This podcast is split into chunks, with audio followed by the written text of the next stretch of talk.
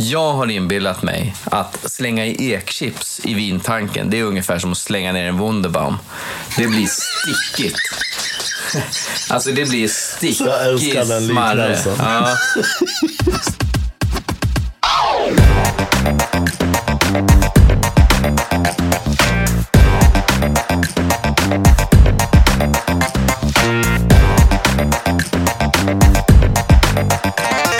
Allihopa och varmt välkomna till ett nytt avsnitt av Rörsut med mig Hanif Sabsevari. I det här avsnittet ska jag och poddens återkommande gäst Pierre Gruppström ta oss an en hyfsat ambitiös vertikalprovning av Grey Wacky Pinot Noir. Det handlar närmare bestämt om fyra av de fem första årgångarna som någonsin producerades av det här vinet. Grey Wacky bildades nämligen år 2009 och de fyra flaskor som vi ska prova i det här avsnittet är från 2010, 2011, 2012 och 2013.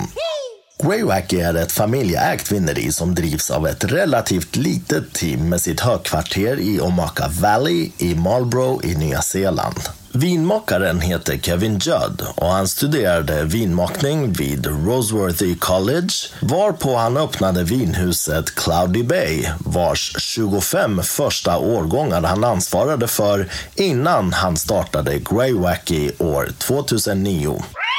Värt att nämna om samtliga de fyra årgångar som vi ska prova i det här avsnittet är att all frukt skördades i Marlboros sydliga dalar, närmare bestämt Jarum Vineyard, belägen på bergsryggen Brancott Ben Morven. Typiskt för den här subregionen är att jordmånen består av eolisk eller vindblåst lössjord som innehåller lera med varierande mängd grus. Druvorna är helt och hållet Pinot Noir-kloner, i huvudsak Dijon-klonerna 115, 777 och 667 med små mängder av UCD5 och AM 10-5. Vinrankorna är planterade på bergsluttningar enligt VSP, alltså vertikal skjutposition med en densitet på 3788 plantor per hektar. Druvorna handskördades och kyldes över natten innan de sorterades manuellt. Natt. Den mesta av frukten avskälkades och placerades i öppna jästankar. Större delen av jäsningen skedde delvis med helklasar.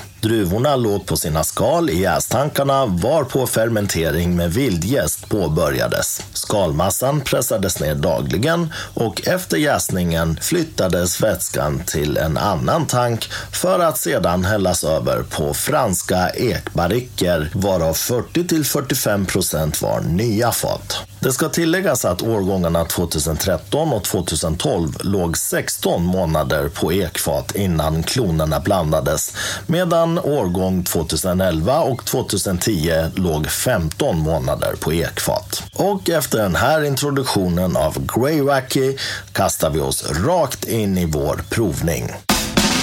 Pierre, Yes. vi är tillbaka. Jajamän. Och eh, ja, vad är det vi ska göra här idag då? Vi, vi ska alltså ta oss an fyra årgångar av ja, samma producent då. Mm. Spännande. Och det som är kul med det här då, det är att det här vinet är ju också på skruvkork så att eh, vi har inga defekter att eh, vara rädda för egentligen. Och det ska bli oerhört spännande för att det är verkligen fyra år direkt efter varandra. Det är 2010, 2011, 2012, 2013. För Då får man ju verkligen känna om, är det väderförhållandena, hur stor roll spelar de och hur stor roll spelar lagringen och kanske blir det någon, något extra stort hack mellan två av de här åren, då blir ju det ruskigt intressant att dyka in i sen. Sen kan man ju nörda loss hela natten och, och sitta och läsa gamla väderleksrapporter från eh, Sydön liksom. Men eh, vi får se var vi hamnar. Ja men absolut. Nej, men det, det jag tycker är väldigt spännande är just att att det är skruvkork. Alltså med naturkork då, det är ju lite en chansning. Nu är ju det här inte super, super gamla viner, men dricker man 30-40-åringar du vet ju inte vad det är du kommer få. Nej, nej. Men här bör det ju vara så att korken har i alla fall inte bidragit till några defekter och vinerna bör vara intakta. Så intakta de kan vara då. Men eh, det första vi har framför oss då, vi, vi börjar med det yngsta då. Det är helt enkelt 2013 Årgång 2013 blandades i september 2013 och buteljerades först i november 2014 med en alkoholhalt på 14 procent, pH-värde på 3,68 och syra på 5,4 gram litern. Vädret 2013 i Marlborough började bra med en jämn och fin knoppning. Men i november blev det ovanligt torrt och kallt. I december började det bli varmare och man hade den varmaste juldagen på 66 år. Men under midsommar så hade man en dagstemperatur som låg under genomsnittet. Och allt som allt var det en fin sommar med många soltimmar där man slapp en alltför påträngande hetta som stressade druvorna. Det var ett utmanande år, men Greywacky själva anser att 2013 överlag var ett toppår. Mm. Ja, vad ser vi här då? Det är ju inte helt genomskinligt. Det, är ju, det finns ju en viss täthet i den, kanske semität minus. Ja, jag, jag håller med dig. Det är inte helt tätt, men det är inte så att man eh, skulle se bokstäverna på pappret om man höll under helt och hållet. Det skulle vara lite svårt. Och det är ju definitivt åt det, det brunröda hållet. Ja. Eh, så det är ju inte bara ett tryck på etiketten utan den är ju så ja, absolut. lagrad. Då. Ja, den, den har några år. Det är djuprött men det har börjat komma lite, vad ska man säga, tegelbruna mm. toner i, i färgen. Då. Men eh, inte sådär jätteblek eh, runt kanterna. Alltså Glorian är ju inte så blek utan den är ganska mm. fin och eh, jämn rakt ut till kanterna så att säga. Det tycker jag också. Den är väldigt inbjudande faktiskt. Ska vi sniffa lite? Ja, det tycker jag. Ja, det är ju magiskt. Ja, visst är det en pinot man doftar på? Ja, verkligen. verkligen. Vad säger du? Jag tycker det är en skolbok på något vis. Och, och, det är en skolbok på det sättet att den har ju, den har ju alla de här frukterna då. Eh, den har jordgubbarna, hallonen, de unga körsbärna som har börjat gå mot de här mer torkade, nästan lite syltiga. Men det är också det här eh, framförallt då, det är pinot ID-doften. Jag brukar alltid komma och tänka på innerslangar till cyklar. Ja. Alltså det är där gummi, lite lätt gummidoft. Ja. Sen har den ju åldersnoter, men de är väldigt behagliga ja. känner jag. De är ganska lugna. Det är, det är lite det här uh, forest floor och sen är det lite den här cykelkällaren. Men frukten känns fortfarande väldigt levande tycker jag. Det, jag håller med. Och, och, um, vi serverar ju där väldigt svalt nu som jag tycker att man ska göra. Det immar till och med lite på våra glas. Och, och vi dricker som vanligt ur Difference Mature eh, Eh, våra älsklingsglas. Då. Men sen, sen är det ju så här med Pinot då, att jag, jag kan enkelt blinda Pinot, inte bara för att jag har druckit ungefär två triljoner exemplar av, av den här druvan, utan det är ju också att jag tycker liksom Pinot har en väldigt så här stinkig karaktär. Och de här noterna som jag alltid tar Pinot på, de är tre stycken egentligen. Det är kaffebönor, det är kikärtsbad och det är champinjoner. Ja. Då vet jag att det är pinot. Ja, I alla fall när det är med ålder så ja. håller jag med till 100 Exakt, exakt. Absolut. När de är yngre då är de ju så himla fruktiga. Och, ja. Men det är liksom någonting där nästan åt det lite reduktiva hållet.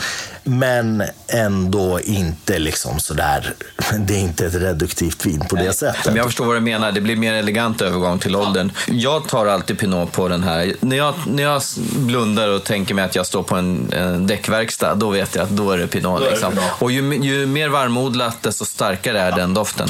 Ja. Sen finns det ju, det kan ju slå över och bli riktigt äckligt, men i, i en bra form, då är det ju behagligt. Ja. Och det här var absolut behagligt. absolut. Ja, men ska vi smarra lite? Yes, pro gör processen kort. Ja.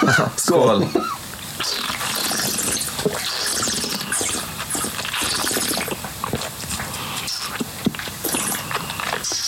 Det var fantastiskt gott. Gubbjuice. Ja, men det är ju gubbjuice. Det är gubbjuice. Jag tror inte att det skulle vara... Det, det är ju inget volymvin som alla... Liksom, man, man, om man gillar de sötsliskiga viner, då gillar man antagligen inte det här. Nej. För det finns en otroligt fin syra i den här, tycker jag. En syrlighet som bär upp frukterna. Och sen är det ganska mörk mycket körsbär skulle jag, känner jag direkt.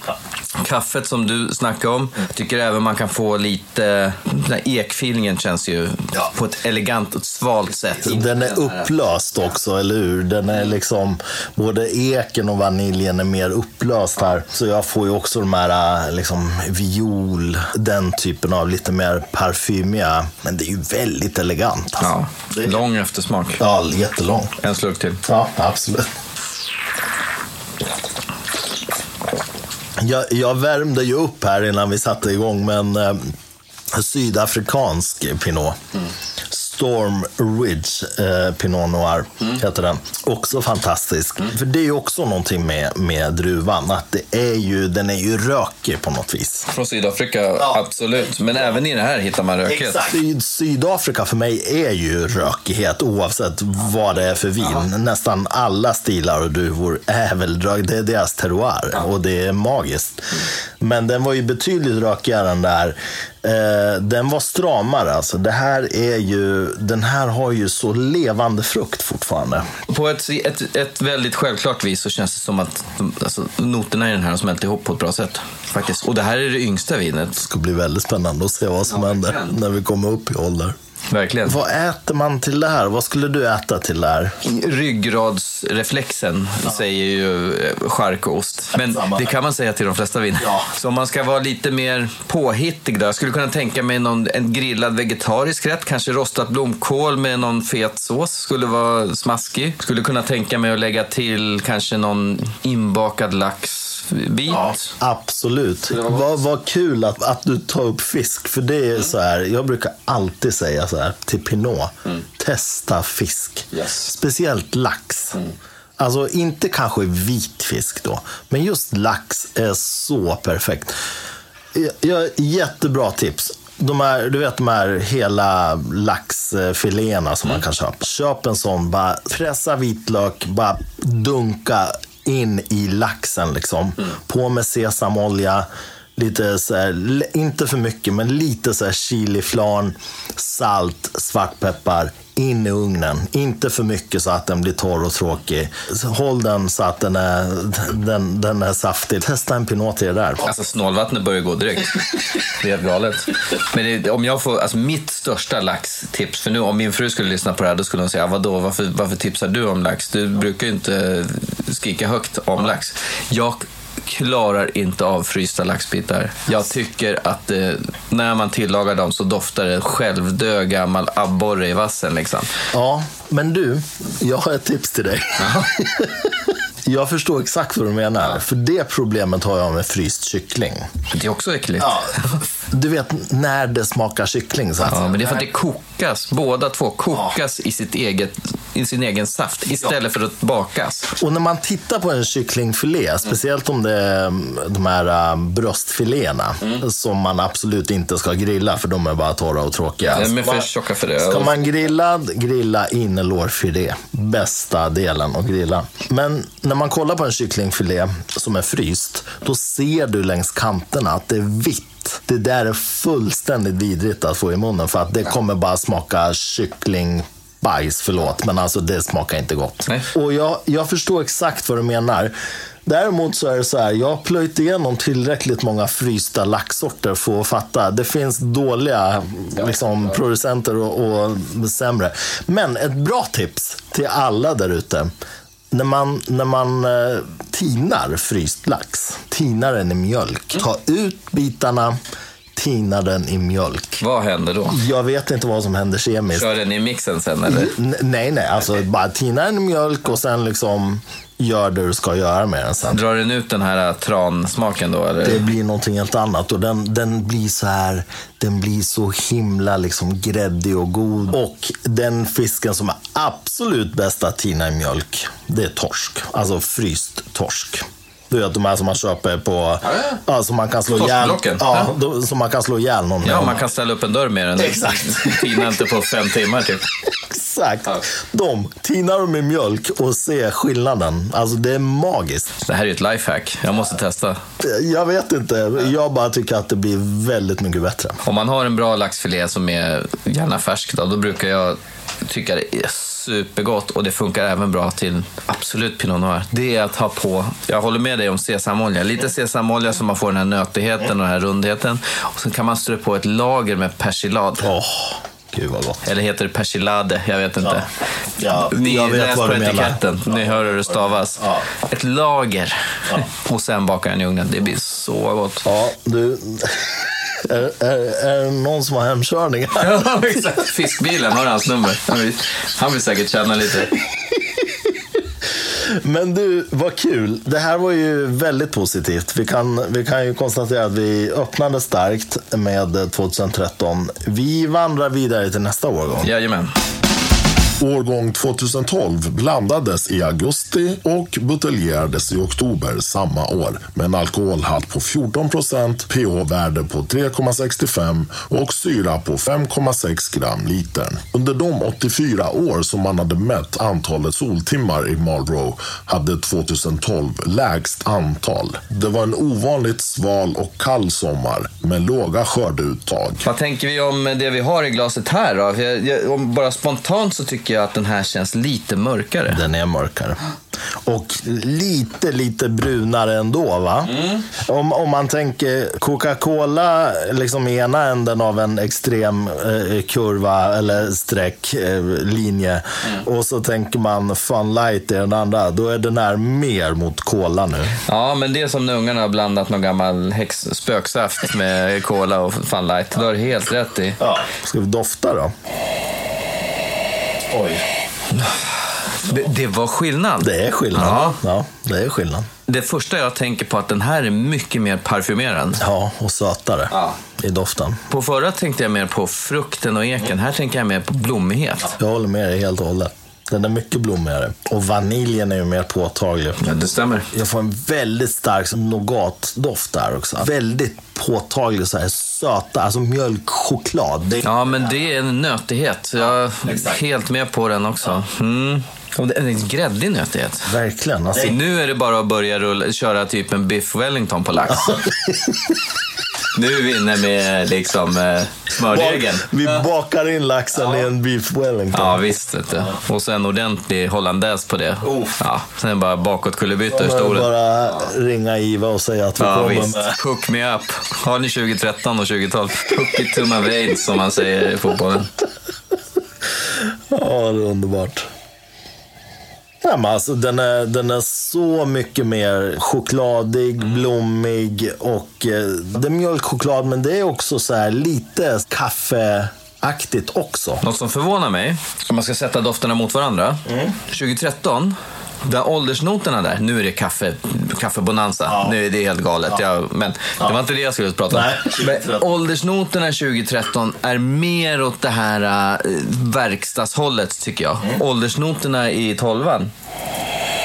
Rundare, det är mera alltså, forest floor, som man skulle säga, eller ett m- multna löv, blöt grusgång. Och mycket mindre påtaglig. Det är som att den har integrerats på något sätt, skulle jag säga. Nu är det ju också så här att 2013 har ju fått lite mer luft och, Och lite mer den, temperatur. den är varmare också än, än 2012. Men eh, lite stummare också i doften. Mm. Det kan bero på temperaturen. Vi får väl se.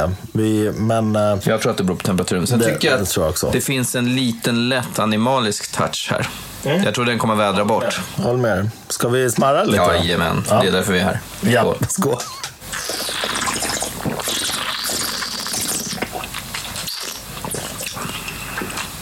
Den är mer inbunden, tycker jag. Den är mer knuten tycker jag faktiskt. Mm. Men jag brasklapp för att det kan eh, öppna sig med, Ja, med temperaturen. Ja, vi, ja, men vi låter det stå ett tag för att se vad som händer. Nu korssmarrar smarrar du med, med 2013. De där. De där. Jag tänkte säga det, är det en, är det en eh, omedveten reflex att 13 var smarrigare eller är det... Om man tänker min Bordeaux-hjärna vill ju tänka att ett år mer tillbaka i tiden borde vara bättre. Men just nu, så här, om jag ska rangordna de här två, så tycker jag nog att 13 är... Ja, den Nu är när jag dricker 13, då tänker jag kaffe. Bara, alltså nu smakar det otroligt mycket Ja, kaffe. jag håller med dig. Det är verkligen kaffe. Det jag fortfarande känner i 2012 det är gräddigheten. Ja. Det är nästan som om någon har stått och vispat grädde liksom i... För mig är det bara så Marabou mjölkchoklad. Det är väldigt mycket den i doften. Alltså nougat och den där blommigheten som du Ja, pratar men om. blommigheten är fantastisk. Vita blommor, så att, sköljmedelsblommor. Ja, men faktiskt. Ja, exakt. Alltså jag har en hint. Ja, man får inte säga det, för det hör inte hemma i den här druvan alls. Det hör mer hemma i en druva som de gillar i, i eh, Loire. Men det är Cab Franc. Eh, Jag, jag känner grön paprika i den här. Den här, den här doftnoten får jag relativt ofta. Du vet när du köper så här plommonkvisttomater i såna här förpackningar där de ligger radade. Kvistarna där, Ja. hur de doftar. Så. Ja, men grönt. Det är nog så enkelt. Det var nog, det var nog inte grön paprika, det var bara grönt. Nej, men jag förstår vad du menar. Det är någonting som eh, är gräset Men och det grönt. för mig är ju, när det inte är en, en not i själva druvan, som i, kanske i Cabernet Franc, det tyder ju på ungdom i vinet. Men det här är ju ändå tio år gammalt. Ja, exakt. Det vi skulle kunna säga då egentligen baserat på den här eh, väldigt eh, ovetenskapliga provningen. Men, men det är ju egentligen egentligen att 2013 är ju fantastiska att dricka just nu. 2012, där kan man ju gott vänta. Jag har ju en sån här tumregel. Är det gott nu kan du vänta minst fem år till. Det kan absolut öppna upp sig. Och jag vill fortfarande att vi slänger in en brasklapp för vad som händer om eh, en till två grader och en kvarts luft. Absolut. Det kanske bara blir ett annat vin. Ja. Men eh, det är ju det som är roliga. Vi är inga forskare. Det är ingen som har gjort eh, anspråk på att det här är är klinisk eh, forskning bakom det, utan det här är smakerna. Hur ska man göra det när det gäller vin? Det är bara smakerna som baken, den är delad. Ja, vissa har mer brukar jag säga. Ja, det också. Men eh, ja, jag tycker att det, det går säkert att, att bryta ner i dess beståndsdelar. Men just nu, jag håller med dig, 2013, den är i förarsätet. Men när det gäller ja, mat och tilltugg då, vad blir skillnaden? Den är inte lika outspoken, så jag kanske skulle ta lite, lite mindre smakrik mat. Jag kanske skulle nöja mig med ostar. Ta någon nice tryffelbrie. Eller någon, eh, ja, men någon vitmögelost. Ingen, ingen för, ingen liksom eh, stark frän gorgonzola eller Saint-Agyr eller något sånt där. Utan Nej, den här är ju stramare faktiskt. För de som har lyssnat på det avsnittet eh, där vi testade vin och lakrits. Testa Pinot med lakrits. Det är grejer det kan jag meddela. Det blir riktigt, riktigt intressant. Det blir inte alltid bra kanske, men det blir intressant. Testa en kvalitativ lakrits, testa med lite olika, alltså söt, salt, smaksatt och, och sådär. Testa och se vad som händer. Det är, det är roliga grejer. Jag, jag tycker det är svingott med lakrits till Pinot. Speciellt nya världen. Bourgogne, no, eh, helt annan ballgame. Jag håller med dig. Det är så gott. Det, och det går att matcha med väldigt mycket. Så det var, det var ett bra avsnitt. Det, jag hoppas att många tog det tipset. Men du, eh, ska vi nöja oss för nu då med, med, med 2012 och vandra vidare till 2011 och se, se vad som händer? Yes. Årgång 2011 blandades i juli och buteljerades i oktober samma år med en alkoholhalt på 14 procent, pH-värde på 3,55 och syra på 5,7 gram litern. Vädret 2011 var överlag varmt och fint och Grey Wacky själva anser att det var en utmärkt årgång som var något varmare än snittet. Nu ska vi testa vin nummer tre. Men jag säger bara så här, ekchips. Vad säger vi om det? Ja, det är ju äckligt. Är så skönt att vi är så överens där. Men det knäppa är att man säger det på reflex, Ja. men man vet ju inte om det finns ekchips eller inte i vilken flaska som helst. Det- För de är ju inte tvungna att skriva ut det här eftersom de flyger under livsmedelsradarn med viner. Så det är en kulturprodukt. Men du kan ju slänga i en död råtta i vinet, så du får, behöver inte skriva ut det heller. Seriöst, vi har ju inte en blekaste vad det är vi håller på och dricker. Om alla har väl, liksom, om man frågar någon, vad tycker du är godast? Cola, Coca-Cola eller Pepsi-Cola? Då, då har ju alla en uppfattning. Och varför Cuba-Cola är inte lika gott eller eh, vilken eh, Lidl-Cola som helst liksom. Eller Willys eller Ica. Eller, ja. Utan att ta ställning där. Eh, men, och de skriver ju ut vad det finns på etiketten. Men det smakar ju ändå inte likadant. Så det, det är väl någonstans ett gammalt protektionistiskt sätt att inte ge bort sina källarhemligheter. Vilket man kan respektera. Men jag har inbillat mig att slänga i ekchips i vintanken, det är ungefär som att slänga ner en Wunderbaum. Det blir stickigt. Alltså det blir Smarre. liknelsen. Ja. Stickigt och sött och lite så här, oh, som nästan står med, en, med sandpapper på slöjden och hyvla sandalträ rätt ner. Liksom. Vi har inte en blekaste aning om vad det är vi dricker.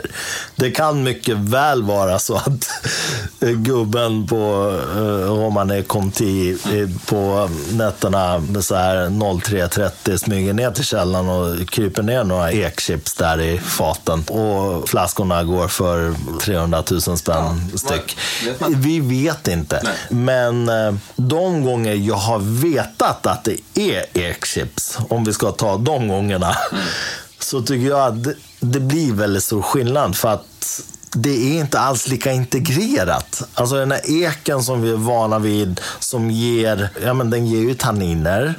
Den ger en mycket mer integrerad smakkänsla. De gånger jag har vetat att det är ekchips, det är inte samma sak. Alltså. Det är nästan som att, ja men det är som du säger, någon har tillsatt någonting lite så här efteråt nästan. Alltså du, du har det där färdiga vinet och så tar du den här, ja men ekchipsextrakten och så bara häller du i. Ja. Så, nu fick ni lite ek också. Wunderbaum New Car, bara slänger i den. Ja. Om man relaterar det till något annat som är gott att dricka, en bra blandad drink. Ja. Det är ju faktiskt riktigt gott. Absolut. Många drinkar innehåller sockerlag. Det är en smakförhöjare. På samma vis som ekchips är en smakförhöjare. Och du blandar i liksom kulturprodukter. Du kanske blandar i en singelmatt, det gör du ju nästan aldrig. Men du blandar i- i alla fall i en bourbon där någon verkligen har tänkt till hur den ska smaka. Och sen blandar du upp det med, kanske lägger till en angostura eller något. Och så häller du i sockerlag. Ja. Det är ju det är, det är, det är fusk på samma sätt. Det blir gott. Men det blir inte samma sak som det var tänkt från början. Och det är väl det lite grann där med ekchips också. Jag, för mig blir det för mycket. Jag, jag håller med dig. Föreställer. Alltså, I ett tidigare avsnitt så testade vi, det var ju det avsnittet Chateau vadå? Då testade vi ju det här bulgariska vinet, Cherga 10 tror jag att det heter. Ja, den har jag testat också. Ja. Där känns det ju som att de har bara smattrat på med chipsen där så det bara sjunger om det. För att det där är ju inte ens kul. Alltså, det är så mycket ek, men den är totalt ointegrerad och den, förlåt, den är rätt äcklig. Alltså det är inte gott. Så där vill man inte ha eken i vinet. Liksom. Men någonstans så är det också så här, jag är ju ödmjuk nog att erkänna att om någon skulle säga så här, nu ska du få blinda tio viner. I några av dem är det ekchips, i några av dem är det inte ekchips, det är ekfat då. Varsågod. Jag ska vara helt ödmjuk och säga att jag hade nog eh, förmodligen inte haft alla rätt. Och, och, och förmodligen så kanske om det hade varit en elak provning så hade jag hållit på och sagt det. Ja, men där är ekchips, där är ekfat. Så hade de sagt på slutet, du vet du vad, alla är ekchips. Man får hålla ut sig själv. Ja. Ut ur solsystemet. Exakt. Ja, men- Du får aldrig någonsin igen tycka någonting. om- Men det är ju det här som är problemet med vin. Att man vet aldrig och det är ju himla svårt. Men när du vet, då på något vis så ställer din hjärna om sig och du tänker, ja, nej, det här är inte så kul. Jag har en hederlig gammal svensk kompromiss. Ja. Vi säger så här. Om ett vin uppvisar den här eh, tecknen på att vara att, att eken är konstgjord, sliskig och kvalmig, då är det äckligt. Och då är det antagligen ekchips. Ja. Men det behöver det inte vara. Nej. Men eh, vi, får, vi låter smakerna styra helt enkelt. Vi låter smakerna styra. Jag, jag tänker också att det kan lika gärna vara, vad vet jag, typ så här eh, iranska ekfat från eh, 50-talet. Ja, antagligen är det det. Och grejen är att jag tror att i Romane Contés källare, då kryper han ner där, vinmakaren, och tar gammelfarfars gamla trädojor och hyvlar ner ett par, tre spån i varje Eller tank. bara lägger ner dem så här en kvart. Sänker ner dem som en gammal tepåse bara. Den är Det är tradition. Ja, Det är tradition. visst. Ja, men du. Eh, nu, nu blev det ju bra där då. För att i, i allt det här snacket om ekchips så har vår... Vad är vi nu då? Nu är vi på 2011 då. Då har 2011 ändå fått gotta till sig lite med luft här och temperatur. Vi har ju gjort så här nu att vi har behållit eh, det vinet som vi ändå tyckte om väldigt mycket 2013 i ena glaset. Vi har två glas var. Och så har vi slagit i 2011 då i ett annat glas. De är ju nästan identiska i färgen. Det känns lite grann som att man är tillbaka på rätt spår. Om man bara tittar Ja, i på färgen det. ja. Oh ja. Om vi nu utgår från att 2012 var fel spår. Ja, eller i alla fall för tidigt spår. Alltså den, den var väldigt grön och skälkig. Den behöver ett par till år på sig, tror jag. Nej, men den här är rödbrun igen. Den, den ser, alltså den är semität minus. Den är nästan semität. Ja. Utan något tecken kring den. Och ja, ser väldigt inbjudande ut. De är nästan identiska, 2013 och 2011. Nu vill man ju ta sig ett ordentligt sniff i den här. Vi gör det. Ja, det här är en tredje doft. Det känns som att det är en kombination av 2013 och 2012. Eller hur? Alltså den har lite av varje nu. Nu är jag tillbaka i den här äh, källar, källaråldersnoten, men fruktigheten. Ja, den är ju väldigt fruktig alltså. Vilket är så himla kul, för den är ju ändå det äldsta vinet hittills. Jag vill köra en liknelse som också är en hyllning. Jag har en favoritparfym. Ja. Och inte superförvånande så gillar man ju parfymer om man gillar viner. Självklart. Issey Miyakis parfym. Ja, han som dog nyss. Lom, Ja. mannen, Ja. han dog nyss, Ja. eh, 80 plus. Ja.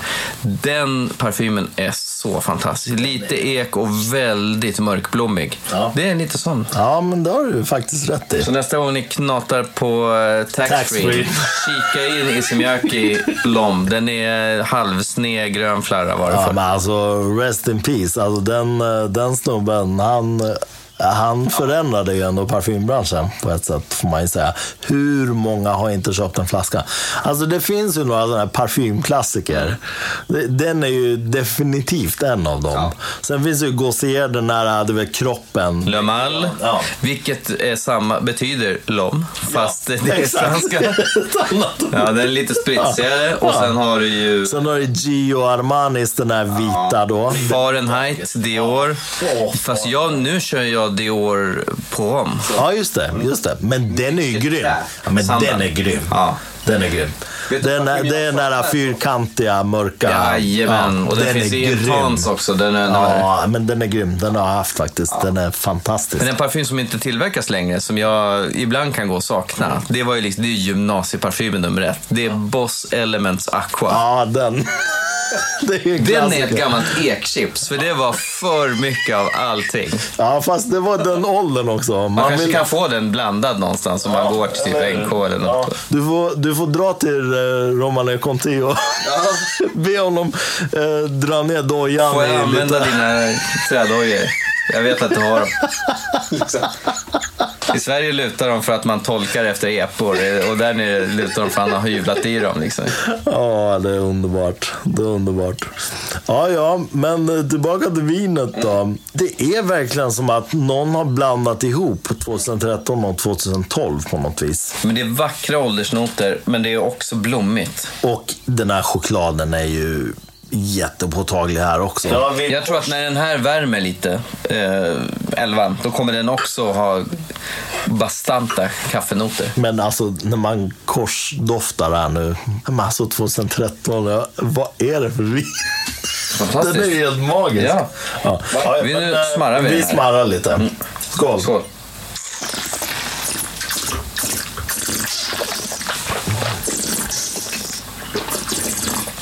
Det fanns ganska mycket kaffe i den där. i eftersmaken också. Den är nästan så espresso. Den har en espresso flaskan liksom, i eftersmaken. När vi följer den här temperaturen nu så kommer den bli bättre än 2013. Ja, jag hoppas att du har rätt. För mig är den en pimpad 2012. Alltså, den är mer åt 2012. Det den har som ingen av de andra har tidigare, det är syran. Syran är distinkt. Ja, det jag. har du faktiskt helt rätt i. Den, den är uppfriskande. Ja, den är väldigt, väldigt härlig. Nu när du säger sådär måste jag ta en klunk Och till. just därför så tycker jag om den här väldigt mycket. För att syra torsk är man ju. Den, den har ju dessutom faktiskt lite tanniner. Den har lite tanniner, men jag tycker att den definitivt har en beska. Ja. En, en sån här aperitifbeska, nästan en sån här um, Campari-beska. Ja, men jag håller med dig. Eh, speciellt i eftersmaken liksom, så kommer den väldigt mycket. Men eh, otroligt fin eh, syra tycker jag. Sjukt att det är det äldsta vinet hittills, men den känns yngst tycker jag. I smaken. Ja, jag håller med dig. Tolvan var ju inbunden, så den, det är nästan utom tävlan. Det går liksom inte riktigt att jämföra. Det var någonting med det vinet som inte kom till sin rätt. Jag tror att om man väntar fem år m- med att öppna den, och om man nu råkar sitta på en sån flaska, så kan det bli en helt annan grej. Jag tror att den bara behöver lite mer tid. Jag håller med dig, men det här, alltså... Den är elegantare än 2013. Alltså, nu är det liksom som en len gammal cappuccino. Men alltså det här är ju gött. Ja. På riktigt. Nej, men jag får liksom associationer som lingon, eh, röda vinbär eh, blandat med, en- med, en- med en mochaccino. En bra, en bra mixad mochaccino. Korssmakar dem. Det är ju inte alls jättestor skillnad. Förutom att 2013 eh, just nu har blivit lite varmare. Eh, Och kanske lite mer, faktiskt, fa- fastän det är det yngre vinet, lite mer tertiär. Men alltså det här, mums. Men jag skulle säga nu att jag skulle inte rekommendera att dricka 2013 i den här temperaturen. För att nu, även om det är gott, så nu smakar det Delicatoboll. Eh, Jag håller med dig. Eller valfri chokladboll. Men det är rätt ur automaten när gubben precis har bytt. Valfri chokladboll med ekchips i. Jag tror inte det är äckligt i det här. Vi ber gubben där på Romane Conti och doppa sina trädojor rakt ner i Han chokladsmeten. får posta hit dem till Enköping. Jag vill ha dem på baksidan och kicka tåpaj med ungarna. Undrar om man kan sälja en chokladboll för typ 250 000 spänn styck. Det beror på. Är den 18 år gammal? Men du, vet du, jag tycker vi gör så här nu. Nu har vi ju 2011. Och 2013 har ju blivit alldeles för varm. Yes. Jag tycker vi slår ut 2013 nu. Rätt. För lyssnarna kan vi ju berätta att eh, vi dricker gärna och vi dricker glatt. Men vi har faktiskt bara druckit några slurpar ur varje glas. Så vi slår ut 2013 och så ger vi oss på nästa årgång. Nu är det La Grande Finale. Årgång 2010 blandades i juli och buteljerades tidigt i november samma år med en alkoholhalt på 14 procent, pH-värde på 3,65 och syra på 5,6 gram litern. 2010 började med en väldigt sval vår, men övergick så småningom till extremt torra och relativt varma väderförhållanden i Marlborough. I mars och april var det optimala väderförhållanden med varma soliga dagar och svala nätter. Och Greywacky själva anser att 2010 är en årgång som är outstanding. Här kommer en skön anekdot. Min äldsta, min dotter, hon föddes 2010. Hon var beräknad till den 11 juni. Och den 11 juni så hände det något 2010. Det var premiärmatchen i fotbolls-VM i Sydafrika. Och så började ju verkarna då under och då, fick vi, då ringde vi Akis och de bara nej, stanna hemma och det ska gå si och så många sekunder emellan. Nu har man ju fyra barn så nu vet man ju allt om det där. Men eh, då, då satt vi där och eh, väntade och eh, självklart då så var det ju fotboll på tvn. Vilken mardröm. Ja, det var ju så otroligt körigt för mig. Men sen åkte, vi, sen, sen åkte vi in till Akademiska. Alltså alla, alla kvinnor som har fött barn kommer hata oss just nu. Men, nej, nej, men jag, jag förstår exakt. Det var inte bara jag som kollade på TV. Nej, och, eh, nej men i alla fall, så var det. Och sen vet jag att när eh, vår dot- dotter då hade fötts så var resten av sommaren eh, otroligt fint väder. Vilket i min bok betyder varmt. Ja. Det tycker man ju om. Eh, ja, vanligtvis ja. Ja, sen så finns det ju de som tycker att det är otroligt jobbigt. Så, och såklart, när det blir för mycket. Men, men, så, så för mig är 2010, om någon säger 2010, då tänker jag varmt. Och då tänker jag också med min yngsta som är född 2018. Som din yngsta. Ja, exakt. 2018 var också sjukt Det varm var sommar. Det var varmt. Det var eh, två likvärdiga. Så jag tänker att om det inte var helt andra förhållanden på andra sidan jorden, på södra halvklotet, så borde det vara varmt. Men det är ju Risken- otroligt oklart. Risken finns att det var helt annat väder där. Ja, det kan vara det. Men det var en himla bra anekdot tycker jag. Vi lär ju se i alla fall. Ja, vi lär se. Ja, ja. Nu har vi eh, 2010 här i glaset. Peta ner näsan i glaset och dofta. Ja, vi testar. Ja, det här var mycket kaffe Mycket ek. och mycket ek. Apropå ekchips. Här känns det som att dojorna har varit nere en sväng i faten va? Ja. Nej, men det är kaffe och ek rätt igenom. Jag kan inte riktigt känna blommigheten. Jag kan inte riktigt känna fruktigheten. Jag, känner- jag, jag känner liksom bara kaffe, choklad, ek och vanilj. Vet du vad jag känner för bär?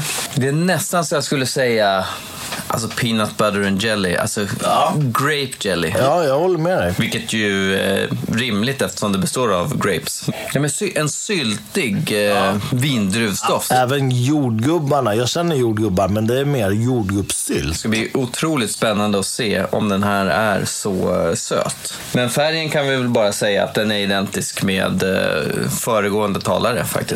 Det är to- eh, tolvan som har varit eh, avvikande egentligen. I, och, och även i stil, skulle jag säga. Vi smarrar. Skål. Skål.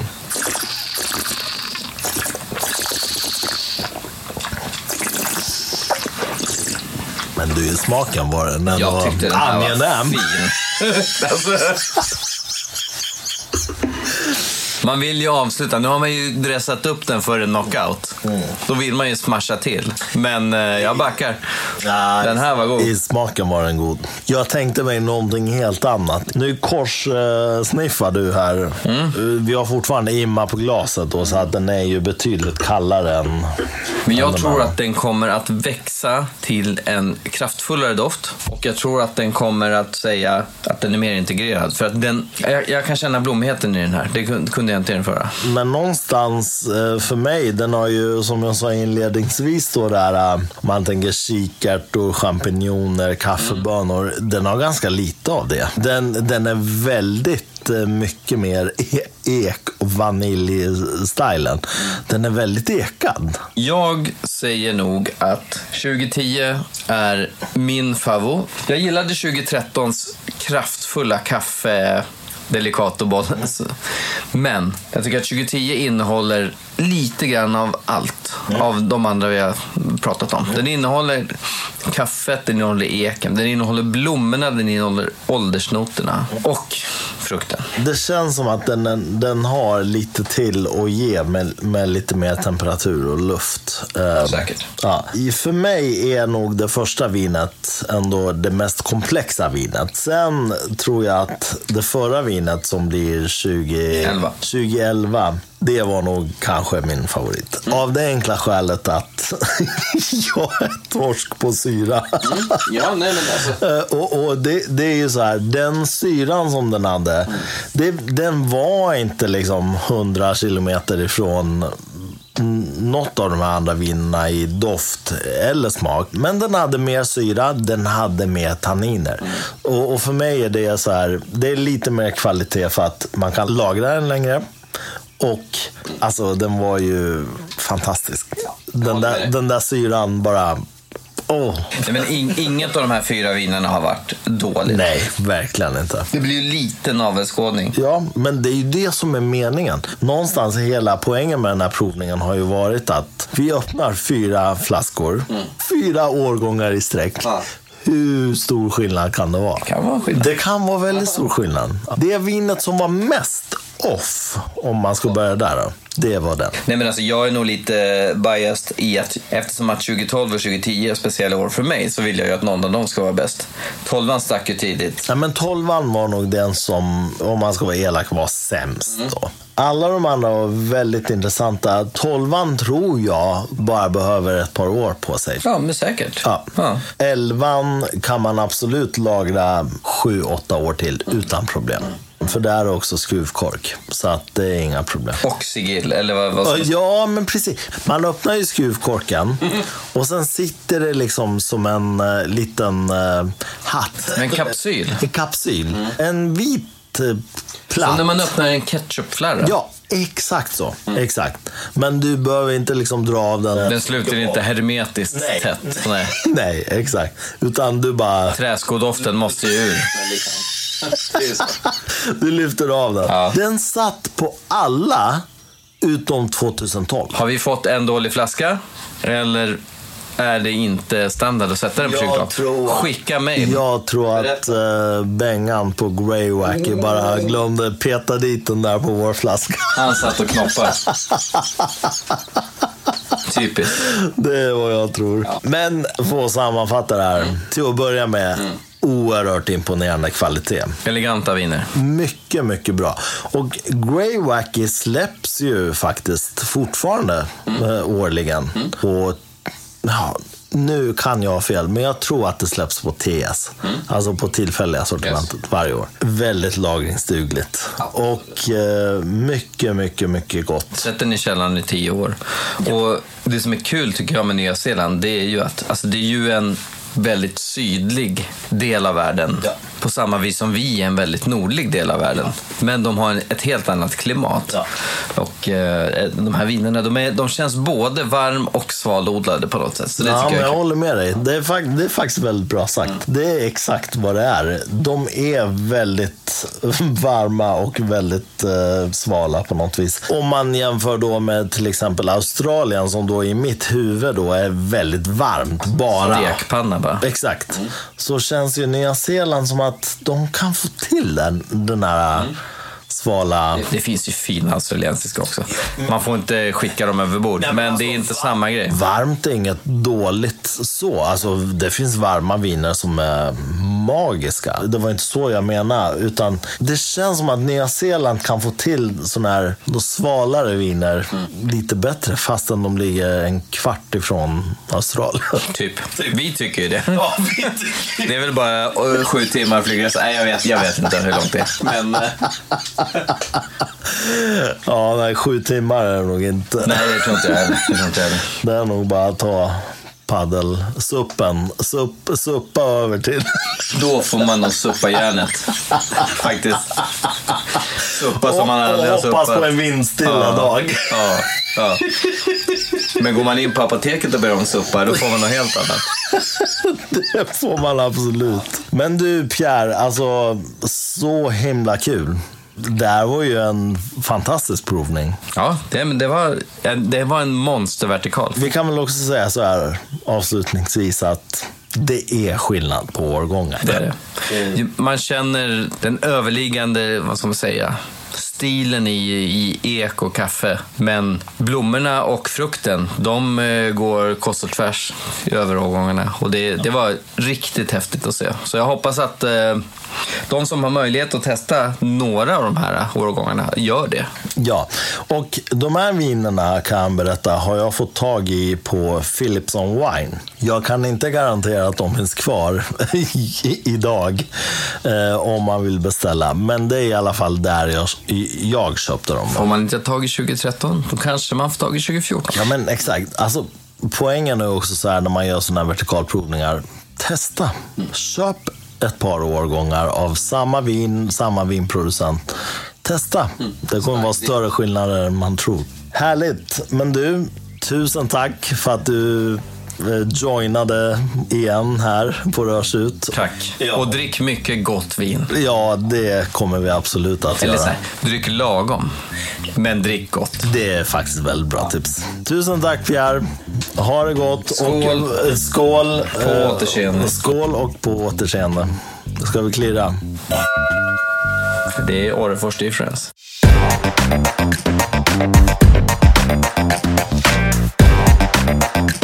Thank you.